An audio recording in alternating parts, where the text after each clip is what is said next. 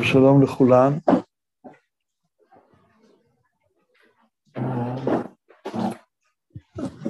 אנחנו לפני יום העצמאות,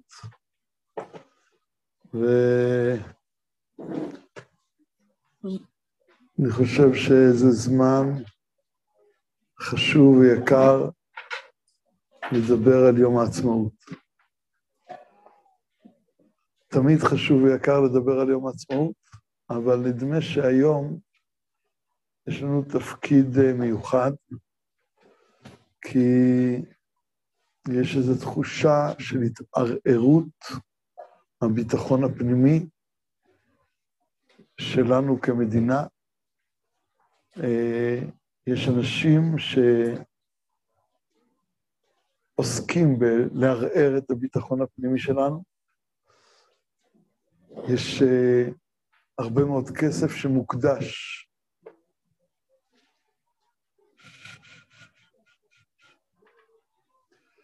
יש הרבה מאוד כסף שמוקדש לזה, הרבה מאוד אנשים, הרבה מאוד חשיבה, ודרמה אה, פוליטית וחברתית, אה, לא רק מרחיקת לכת, אלא כנראה שלא הייתה כמותה בתולדות המדינה, וגם לא כל כך הייתה צפויה. אני לא מכיר מישהו שצפה את הדבר הזה. אני לא מדבר על אנשים שתפקידם בחיים זה לחלק כל מיני תצפיות. אז הם אומרים הרבה תצפיות, אומרים גם את זה, זה לא... על אנשים שהם חלק מהסדר, ושהתצפיות זה לא המקצוע שלהם, ושמה שהם uh, אומרים זה שזה היה צפוי, אני לא מכיר אנשים כאלה. אז יש לנו גם את אלמנט ההפתעה פה, ונדמה לי שעדיין לא לגמרי התאוששנו מאלמנט ההפתעה, ואנחנו לא לגמרי אה, גיבשנו דפוסי תגובה, כל הצדדים. אנחנו באמצע התהליך, ובסוף כל זה ביחד גורם לנו ללא מעט ערעור של אה, הביטחון הפנימי שלנו כמדינה, ודווקא לאור זאת, החזרה על היסודות של העצמאות הם חשובים עוד יותר.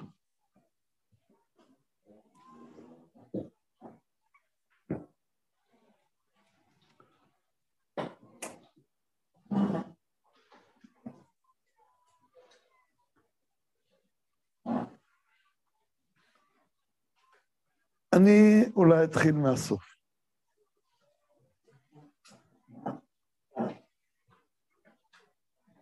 כשמגדלים ילדים, יש כלל גדול מאוד,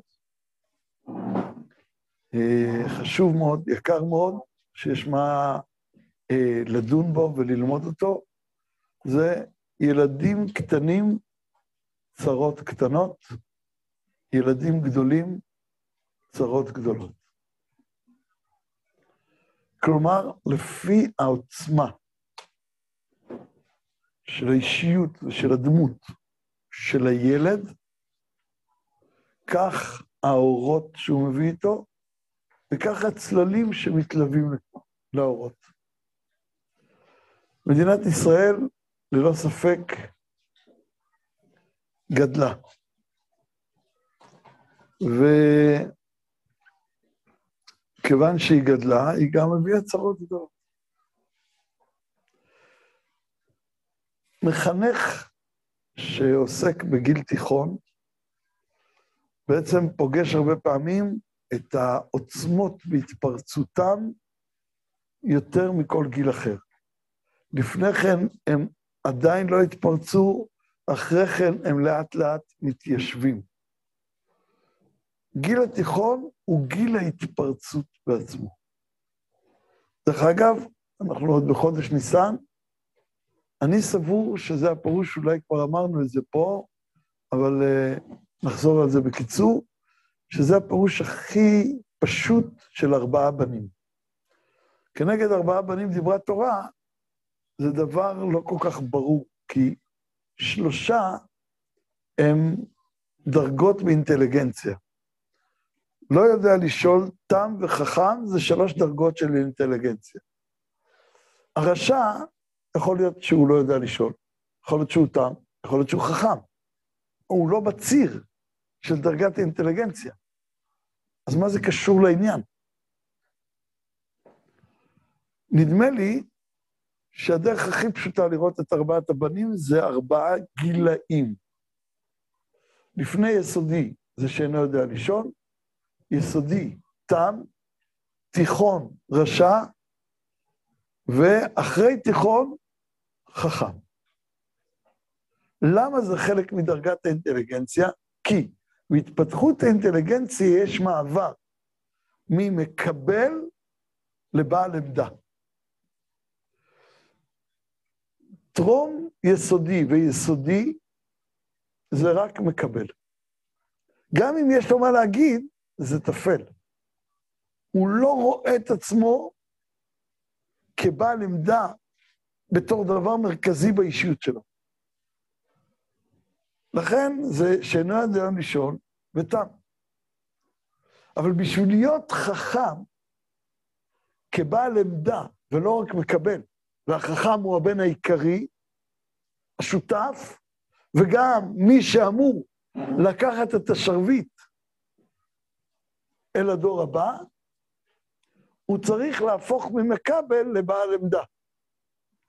והרשע זה הזמן שהתפרצות הכוחות וגידולם, והמעבר מלהיות רק מקבל ופוצי מוצי, ללהיות בעל עמדה עצמית ועצמאית, וגם שונה מן הסביבה, בעלת ייחוד, בעלת עומר,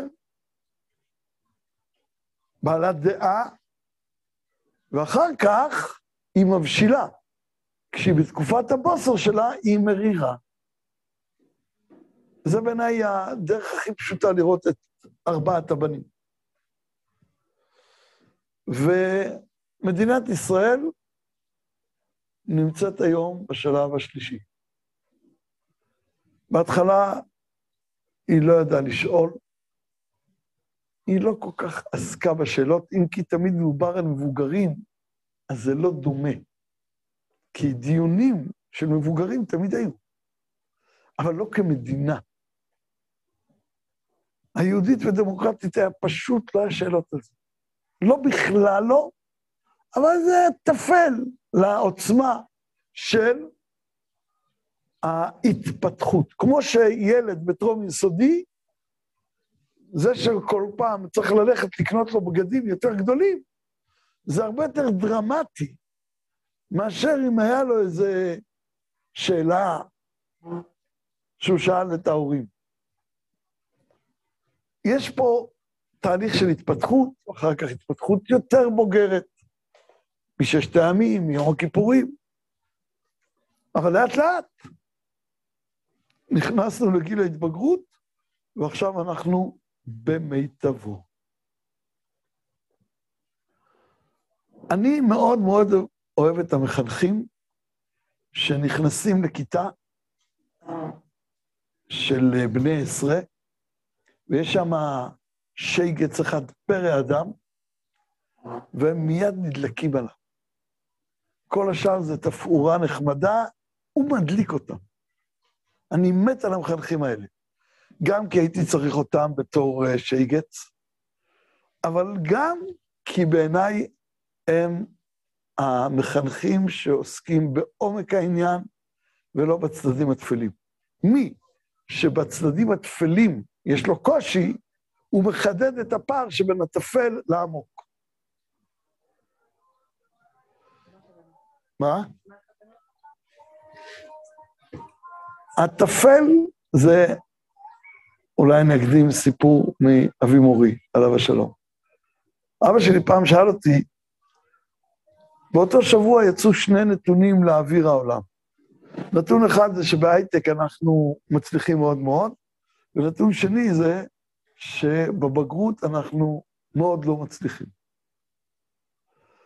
הוא אמר לי, תסביר לי, איך יכול להיות שאנחנו לא מצליחים בבגרות ואנחנו מצליחים בהייטק? למה כאן אנחנו לא וכאן אנחנו כן? ואז הוא אומר לי, זה מאותה סיבה. מי שמצליח בהייטק, פשוט יש לו מספיק שכל להבין שלא צריך להשקיע בבגרות. זה המחנך שעליו דיברתי. הוא יודע להבחין בין עיקר וטפל, והבגרות זה לא העיקר, ורכישת ידע חיצוני זה לא העיקר. ואפילו הצלחה חברתית בגיל העשרה זה לא העיקר. עומק הדמות, העמדה שמבשילה בפנים, האומץ שלה, החופש שלה, הגודל שלה, הנושאים שנוגעים לה ומעסיקים אותה. זה המדד. והרבה פעמים חוסר נחת מתלווה הרבה יותר לאלה שהמערכת פשוט קטנה על מידותיהם בטבע.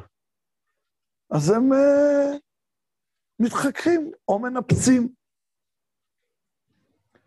זה לא סימן לזה שהם רעים, אלא לזה שהם גדולים. יכול להיות שהם גם יעשו דברים רעים, וגם צריכים להעמיד אותם על המקום. וגם שצריך להעמיד אותם על המקום. צריך להבין שיכול להיות שהם גדולים. אבל היכולת להבחין בין זה שהוא ממושמע ומוציא ציונים טובים ולומד טוב ומקשיב וכל הרובריקות שצריך לסמן V או X או מספרים, יש לו V ומספרים גבוהים, זה בכלל לא הסיפור. את מי זה מעניין? את אנשי השטח החיצוני. אבל המחנך שנכנס ורואה אחד שהוא אומר, זה לא, שום דבר לא יוצא ממנו, הוא הכל איקס, כל הציונים נמוכים, אבל איזה בן אדם, איזה דמות. זה אחד שרואה את הפנים. אם נעיז להעתיק את השאלה החינוכית הזאת גם בנוגע למדינת ישראל, מדינת ישראל היום שואלת שאלות עם כל העוצמה. חצופה שאין כדוגמתה, מרירה, מתוסכלת, מנפצת, וכסחת את יום השואה, את יום הזיכרון.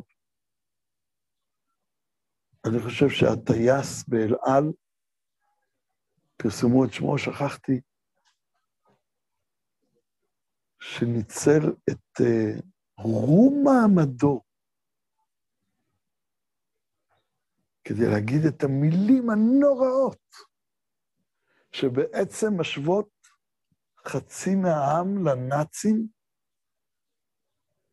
במיקרופון לכל יושבי המטוס, הוא דוגמה של איש יהיר, שחצן, כמו הרבה מהטייסים,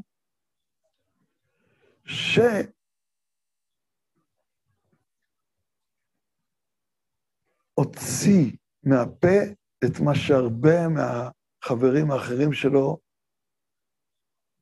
נמצא להם בבטן. מי זה מעניין? אם בעל נותן סטירת לחי לאשתו לפני כל משפחתה, זה משנה אם הוא יתנצל אחר כך או לא? לא מעניין. הוא הבין שאם לא, הוא יעוף. ואני, ההתנצלות שלו לא מעניינת אותי בכלל. מה, מה יש להתנצל? אם מישהו נפגע, מה, מה, אתה מבין מה אמרת? מה זה אם מישהו נפגע? השווית חצי מהעם לנאצים? ביום השואה.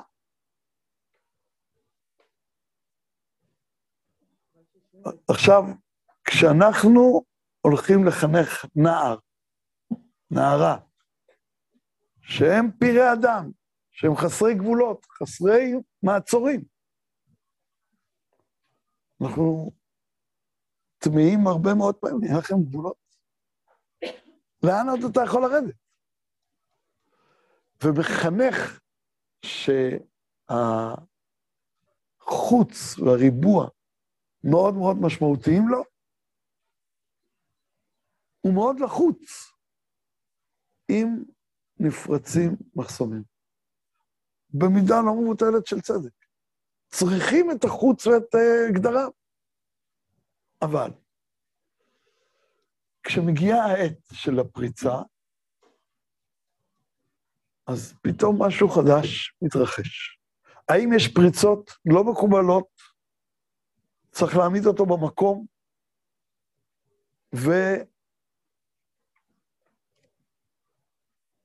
לא יכולים להגיד שהנער הזה יגדל עם הפריצה הזאת, כן. אם נער גונב או שודד או פוגע, הוא יצטרך להשיל מעליו את הדבר הזה. בשום פנים ואופן זה לא יכול להמשיך. ואנחנו צריכים לדעת לשים גבולות. אני עכשיו מכין הרצאה, אני לא אביא אותה בפניכם, אני מקווה שהיא תצא לאור בקרוב, אולי עוד לפני יום העצמאות, אם לא אז אחרי. אנחנו בשלב אספת הנתונים עכשיו, אין מספיק נתונים, וההרצאה שלי אה, על המצב, ניתוח המצב, היא עלולה להפחיד עוד יותר אנשים מהצד השני שישמעו אותה. והרבה אנשים אמרו לי, אל תגיד את זה. לא, הם, הם גם ככה מפחדים, מאוימים עד הקצה. מה אתה רוצה עכשיו, עוד להפחיד אותם? ואני גם התחשבתי קצת בסברה הזאת, אבל uh, יש לי תכונה, אל תעתיקו אותה. יש לה חסרונות גדולים, אבל יש לה גם יתרונות. שאם אומרים לי יותר מדי, באיזשהו מקום פוקע לי המיתר ואני מתהפך. ויום אחד אמרתי למישהו שחזר על זה שאני צריך להיזהר מלהפחיד את הצד השני יותר מדי, אמרתי לו כך, הצד השני לא נזהר מלהפחיד אותנו. הוא עסוק בזה מלא מלא, בלהפחיד אותנו. ואתה עסוק כל הזמן בלהפחיד אותי שאני לא אפחיד אותם. אתה לא מפחיד אותי. אני רוצה להפחיד אותם.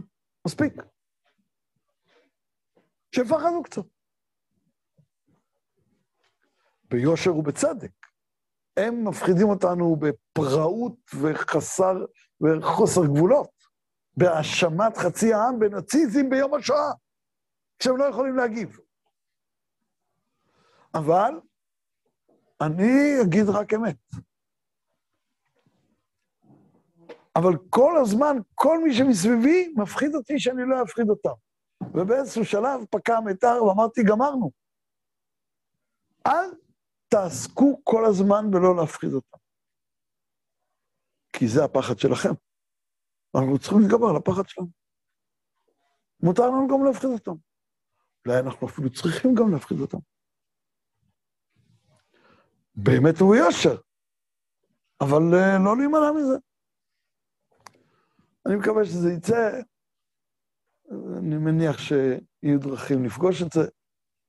לעת עתה כנראה ככה זה ייקרא, שיהיה לכם קל למצוא.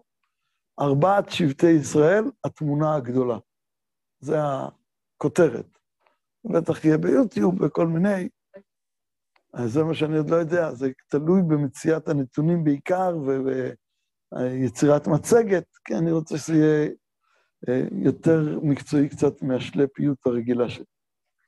אה, למה? אני לא בדיוק יודע למה. השלפיות שלי דווקא נורא נחמדה, אבל אה, בסדר, שיהיה קצת יותר מקצועי. קורה בחיים. אני לא נכנס עכשיו לתוכן ההוא, זה... תהיינו שמה, אולי שבוע הבא יהיה שיעור, בעזרת השם.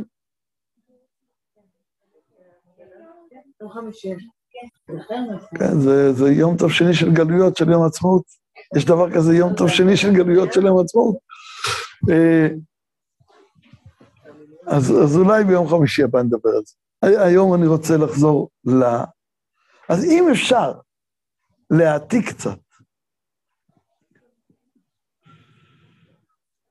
אם אפשר להעתיק קצת מאותו מחנך שנכנס לכיתה, פוגש את הפרא אדם ונדלק, אני רוצה להציע עוד אפשרות במסגרת מה שאנחנו עוברים.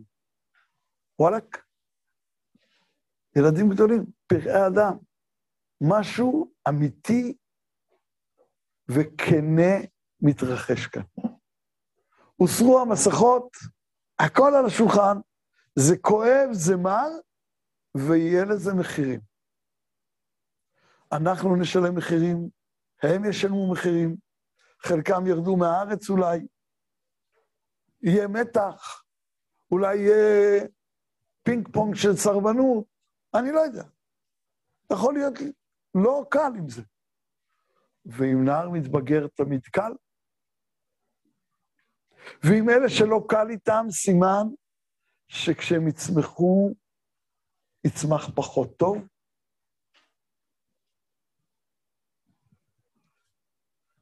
אני חושב שהוסרו המסכות. משהו הבשיל. הצרות הגדולות של הילדים הגדולים, היינו, של מדינת ישראל, שהיא כבר ילד גדול, אומרות, אנחנו רוצים את כל השאלות על השולחן. יש שלב כזה במשפחה, שפתאום יש נער מתבגר, שכל מה שלא דיברו ולא זה, וטייחו והעלימו והסתירו, ו... ו... ו... ופתאום הוא שואל הכל על השולחן לפני כולם, ולא מוכן לקבל שום תשובה, וזה לא מוצא חן בעיניו, ולא שום דבר, ולא זה, ופתאום הוא משנה את כל השיח. כן, הם שואלים היום, האם יום השואה הוא יום מספיק קדוש מאשר לחלל אותו בלהאשים חצי מהעם בנאציזם? הם שואלים האם יום הזיכרון הוא מספיק קדוש בכדי שאנחנו בתוך בתי הקברות נציג את זה שהעם קרוע ושסוע. הם שואלים שאלה, אף פעם לא הייתה השאלה הזאת 75 שנה. 74. לא הייתה השאלה הזאת. היה ברור שביום הזיכרון מתייחדים עם הנופלים, אין ימין, אין שמאל, אין דתיים, אין חילונים, אין. כולם כאחד. ופתאום חלק אומרים שהם לא מתכננים, וחלק אומרים שהם רק יפנו את הגב לראש הממשלה כשהוא ידבר, וחלק אחר יבואו עם מגפון, בלי מגפון, כל אחד עם ה... אבל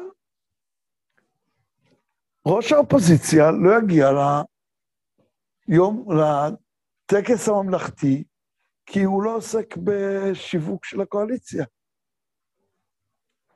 74 שנים אף אחד לא אמר דבר כזה ולא העלה על דעתו, שזה סביר שמישהו רציני יגיד דבר כזה. אני לא טוען שהוא רציני, זה לא, לא מה שהתכוונתי להגיד, שלא לא יישמע מדבריי. אמרו שבשנה שעברה הוא לא יהיה, שהוא לא היה ראש האופוזיציה. כן. כן, אבל הוא לא אמר בכל... uh, את הסיבה. Uh, אבל את צודקת שיכול להיות שכבר עכשיו אפשר לזהות לאחור גם כל מיני, לזהות תהליכים. נחזור לענייננו. אני חושב שאנחנו צריכים אה, להידבק במידתו של המחנך הגדול ולראות מה קורה בפנים, ולהגיד, נכון, אנחנו הקמנו את המדינה מתוך התעלמות וחוסר חידוד של שאלות העומק שלה. זה לא שבתוך בתי המדרש או באיזה מאמר מימין או משמאל, באקדמיה, או באיזה ביטאון של התנועה הקיבוצית, לא היו דיונים חריפים. אבל לא היו דיונים חריפים שיצרו את האטמוספירה החברתית שלנו בחדות כזאת, שזה היה הנושא. היום אנחנו שם. אם נעזור רגע את המחירים שזה גובה, ונדמה לי שכולנו מבינים שיש פה מחירים רציניים, והם יכולים להיות עוד יותר רציניים בהמשך. אנחנו לא יכולים אה, בשום פנים ואופן לשבת על... אה, אה, רק רגע.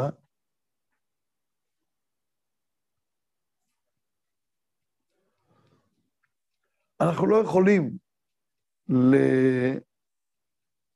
לשבת על זרי דפנה. יכול להיות שבסוף הממשלה הזאת תסיים את ימיה, או בעוד מהיום יש לה כבר תאריך uh, סיום. שופט בית המשפט העליון uh, פסק שזה ממשלה לארבע שנים ולא לחמש שנים, נוצרה איזו דילמה משפטית. אני חושב שזה פסק סביר. Uh, uh, אז יש כבר תאריך uh, לבחירות הבאות, אם היא תמלא את ימיה, יכול להיות שאפילו פחות, והאם הממשלה הבאה, אנחנו בטוחים שתהיה ימין מלא מלא? לא. ואם היא לא תהיה ימין מלא מלא, יכול להיות שהיא גם תהיה שמאל מלא מלא? יכול להיות. האם שמאל מלא מלא יפעל בלי שום כפפות ובלי שום אחריות ויכסח את הצורה? יכול להיות. האם זה אומר שזה סוף הדרך? לא. זה משהו זמני, זה חולף, אין... אה. אני אתן לכם רק מספר אחד, קדימון לשיעור של שבוע הבא. כמה חרדים יש היום במדינת ישראל, מי שיודעת? אף אחד לא באמת יודע, כי גם אף אחד לא יודע בדיוק מי הוא חרדי. אז זה לא כל כך פשוט בכלל לענות על השאלה הזאת, אבל ההערכות הן כמיליון שלוש מאות. עכשיו אני רוצה לתת לכם נתון מעניין. נפל לי בראש אתמול, כחלק מהמחקרים שאני עסוק בהם.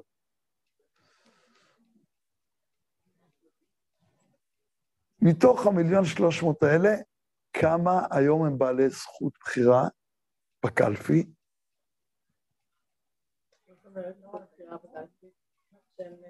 מי, מי שפחות מגיל 18, אין לו זכות בחירה.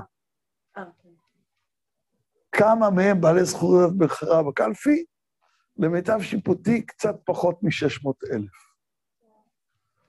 כלומר, נולדו כבר עוד 700 אלף ויותר חרדים שהם עדיין לא בעלי זכות בחירה, אבל ב-18 השנים הבאות הם יהיו בעלי זכות בחירה, הם נולדו כבר. זה לא תחזיות, זה כבר לידות.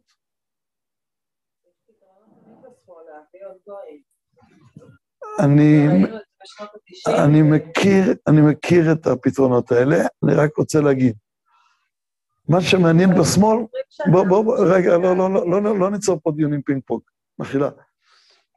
אני מכיר את זה, אני אענה על זה גם שבוע הבא יותר באריכות, אבל אני רק אגיד דבר אחד.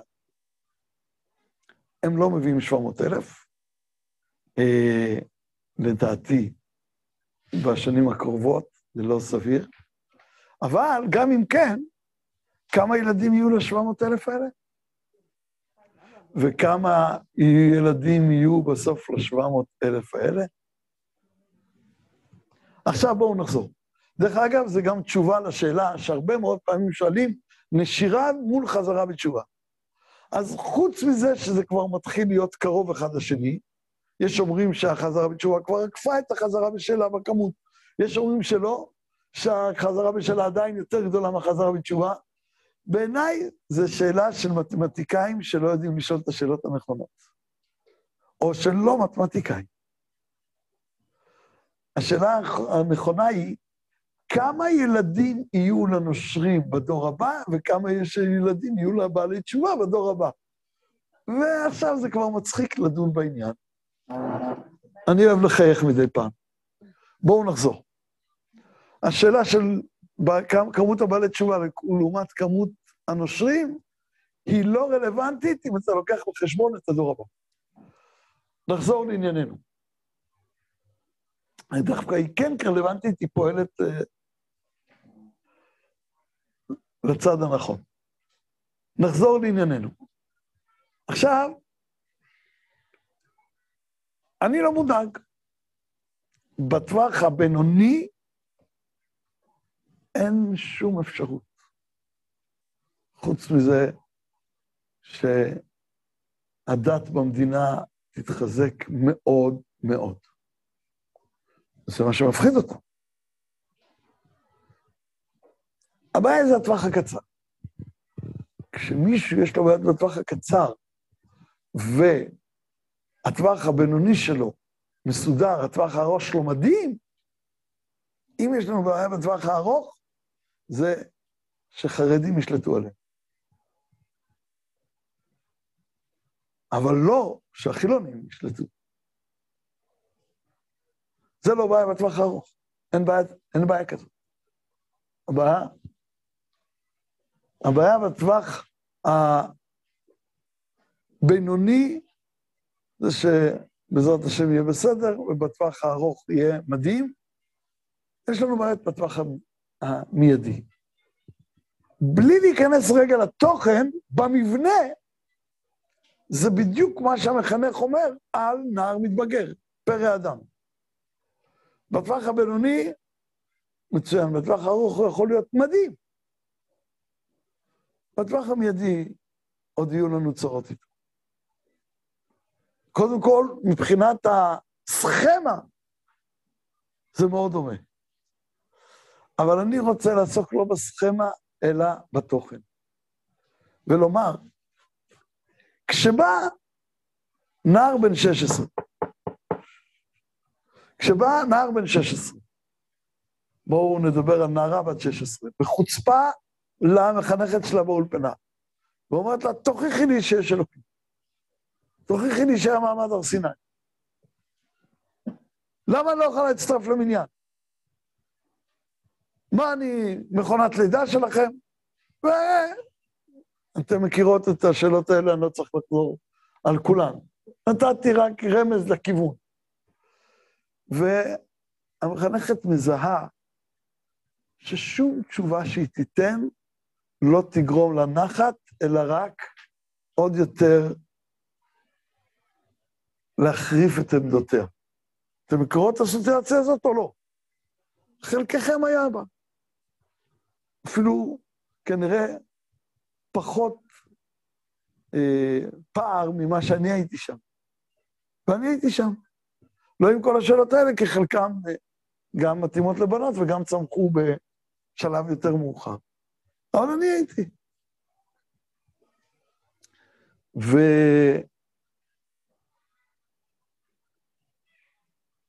והמחנך מבין שזה ייקח עוד הרבה זמן עד שהשאלות האלה יירגעו. האם זה שאלות טובות לתהליך החינוכי, או מזיקות, רק אין מה לעשות? זה תלוי בעומק המחנך. עומק הדמות של המחנך.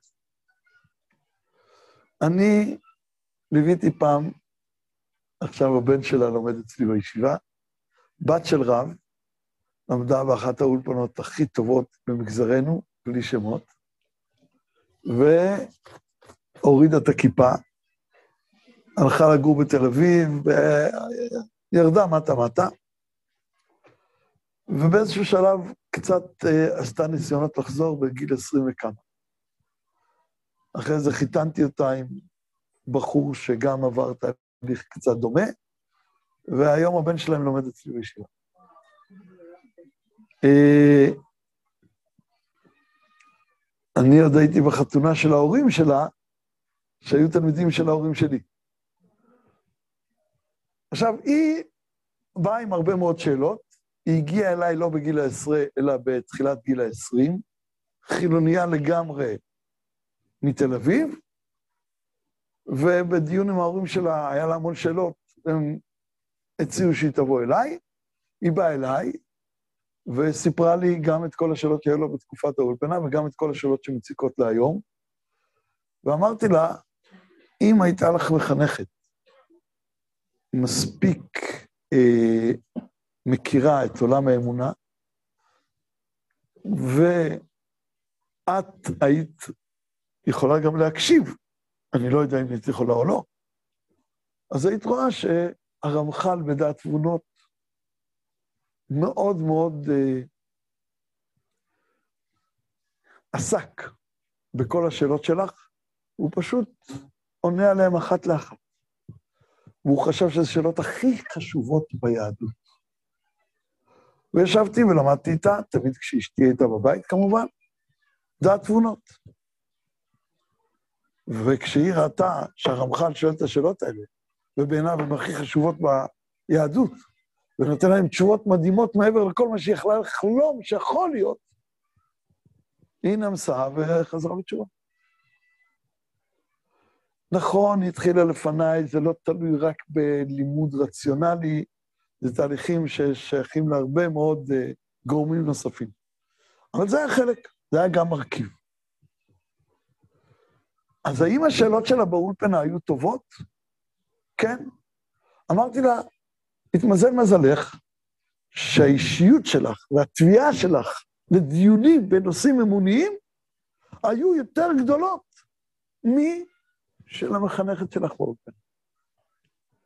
אז כשאת שאלת את שאלות, היא לא הצליחה לראות שזה משהו כל כך משמעותי, שהרמח"ל חושב שזה השאלות הכי חשובות ביהדות. אבל את שאלת את השאלות הכי חשובות ביהדות, וטוב ששאלת. האם טוב שהגעת לתל אביב מה? לא. אנחנו לא מסכימים. את זה לא אמרתי לה, אבל אני לא הייתי צריך להגיד. הכיפה של ראשי, הזקן שלי והתפקיד שלי, לא היו צריכים עוד uh, הסברות. אבל היא הגיעה גם לתל אביב מזה, לצערי. אבל השאלות עצמן היו דבר נפלא. והם רמזו על זה שהיא יותר גדולה מהמחנכת הנפלאה שלה באולפנה. נפלאה, אבל לא מספיק גדולה. או, או לא, לא גדולה בהקשר של התלמידה הזאת. כן. לא איזה חינוך, איזה יחס נכון להגיד לשאלות? זה תלוי בכימיה שבין המחנך הנדלק לנער המדליק. תלוי מי הוא, מה השפה שלו, איך... זה אינדיק. צריך לרדת איתו מתחת לשולחן וללקט זרעונים, מכירים את הסיפור של האינדיק? אתם חושבים שכל האינדיקים אותו דבר? לא. המוסר השכל הוא לא באמת לרדת מתחת לשולחן. אף פעם לא ראיתי אחד שלמד את הסיפור וירד מתחת לשולחן. זה רק uh, מטאפורה, כן? כמובן. לא כל השולחנות שווים, לא כל האינדיקים שווים, לא כל הזרעונים שווים, לא כל הנמשלים שווים. זה תלוי מאוד בכימיה שבין המחנך למחונך, החניך. ועכשיו אני אומר, האם השאלות שמדינת ישראל עכשיו שואלת את עצמה הן שאלות חשובות? וואו. הכי חשובות שיש. באופייה של המדינה. סוף כל סוף הגיע הזמן. האם יש לזה מחירים כבדים? כן, אני יודע, כולם יודעים. עכשיו אני שואל שאלה אחרת. לא את שאלת המחירים הידועה, את שאלת התוכן, המשמעות של הדיון הזה. למשל, אתמול בערב, או באיזה יום במהלך השבוע, היה כינוס של uh, קפה שפירא עם בוחרים במשפחה, עם... Uh, ומפגינים עמדו שמה וצעקו ואהבת לרעך כמוך במגפונים כדי שאי אפשר יהיה לנהל את השיח. זה מעניין, ואהבת לרעך כמוך כזה. והיום אתה רואה הרבה מאוד ואהבת לרעך כמוך לגבי הערבים. ואהבת את הגר לגבי הערבים. מה? כן, כן, מאוד. והשאלה, מה אם ואהבת לרעך כמוך? ואיפה זה נוגע או לא נוגע לגויים? היא שאלה שעם ישראל כבר ענה עליה תשובה מספיק בשלה? לא. אני חושב שזו שאלה מצוינת, ויש עוד הרבה מה לעבור בה. והאמת היא ששאלת הבידול של האומה הישראלית מהאומות, זו שאלה שיש לנו עוד הרבה הרבה מה להעמיק בה ולתמרן איתה, בייחוד כשכל היחסים הבינלאומיים הולכים ומשתנים לנגד העיניים שלנו. אז צריך uh, להבשיל את השאלות האלה. שאלות מצוינות. כן. האם...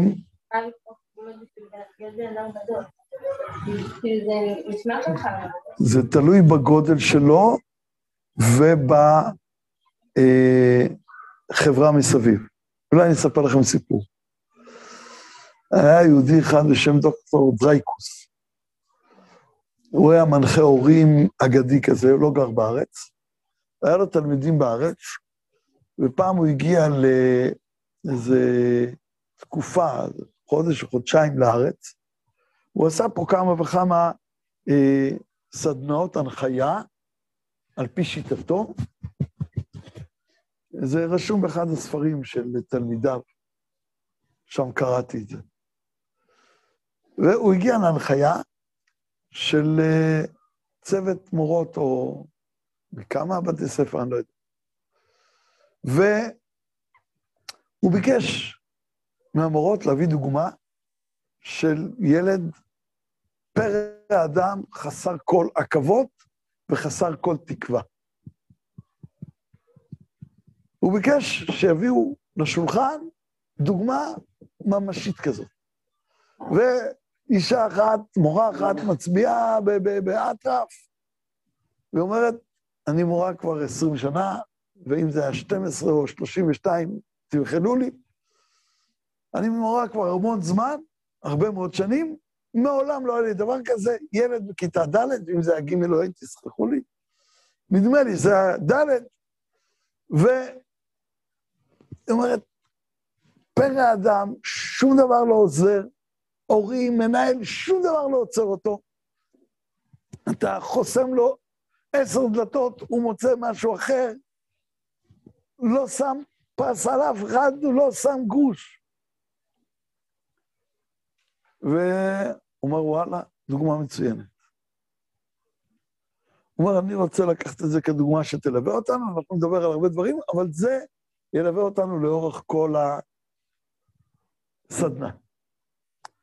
והוא אומר לה, אני עכשיו מבקש ממך, בתחילת הדרך, לקחת פנקס,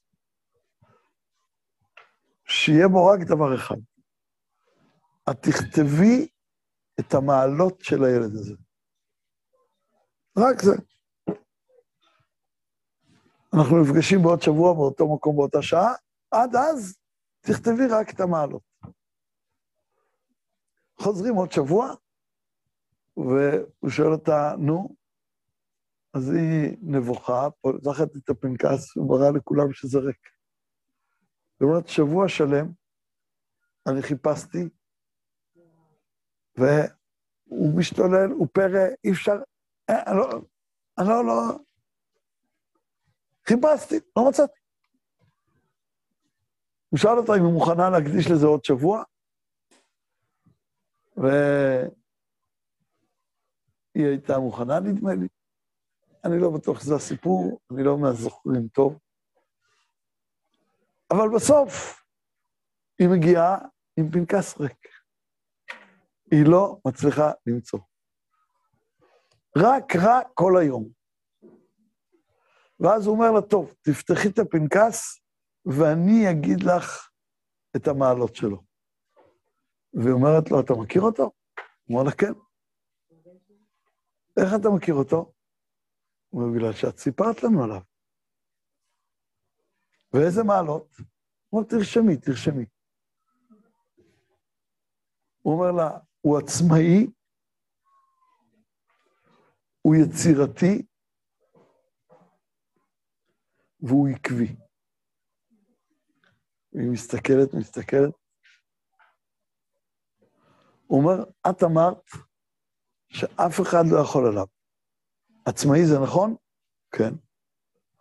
את אמרת שאם סוגרים לו עשרה פתחים, הוא מוצא פתח חדש. הוא יצירתי? וואלה, כן. את אמרת שהוא לא מפסיק. הוא עקבי? כן. מה לא נכון במה שאמרתי?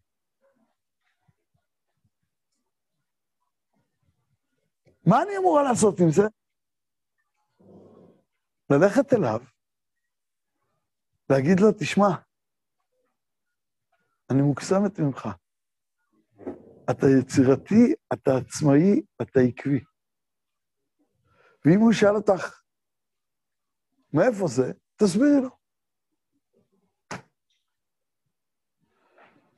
המורה מאוד התקשתה לעשות את זה.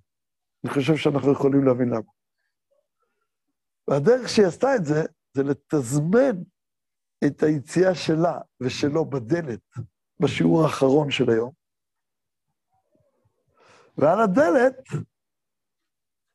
היא אומרת לו, אתה יודע, אתה עצמאי, אתה יצירתי, אתה עקבי.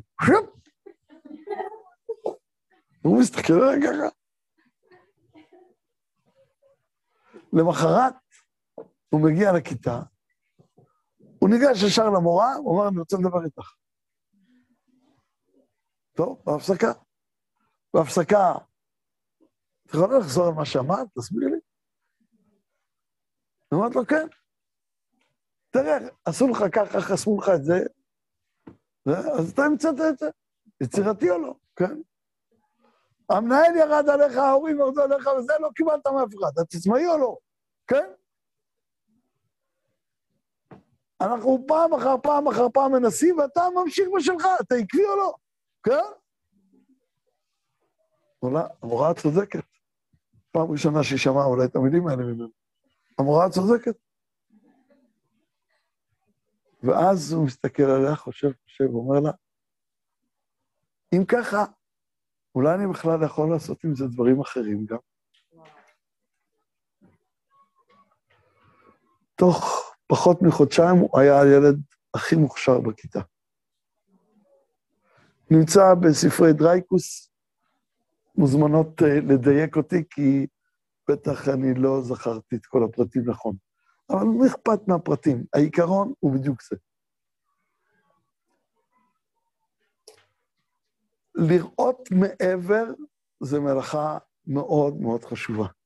אם נסתכל היום על עם ישראל, ונסתכל מעבר, עם ישראל אומר, אני צריך לדעת מה פירוש להיות יהודי. אני צריך ללמוד מחדש את מגילת העצמאות שלי. זה הסמל של פראי אדם ברחובות. וגם של האנשים הגונים ברחובות, יש גם כאלה, בוודאי. אבל אפילו של פראי אדם. אני צריך להבין איך אני רוצה להיות טוב לכל וגם יהודי. וואלה, איזה שאלה. איזה שאלה. מדהים. ואני צריך לדעת, האם חלק גדול מהדברים שהביאו אותי עד לכאן, הם הדברים הנכונים בשביל להיות כאן. שאלה מצוינת, בוודאי בעינינו. ובינתיים הוא משתלם, אבל הוא שואל שאלות מצוינות. ואני לא חושב שאנחנו צריכים להקל ראש במאבק שעוד נכון לנו מול אה, כל ההשתוללות הזאת. ואני לא חושב שאנחנו צריכים להקל ראש בכאבים שעוד נעבור מכל מיני טייסים באל על, או דומיהם וכיוצא בהם. אני לא חושב שאנחנו יכולים להקל ראש בזה שיש גם סכנות. לא כל נער מתגבר שמשתולל באיזושהי דרך קלה בסוף. לא, לפעמים משלמים מחירים והוא מאבד יד בדרך. לפעמים יש מחירים כבדים. יש הרבה שאלות. אבל מעבר לשאלות האלה, יש עוד דבר אחד, והוא שאנחנו היום, כציבור, עומדים עם השאלות הכי חשובות על השולחן,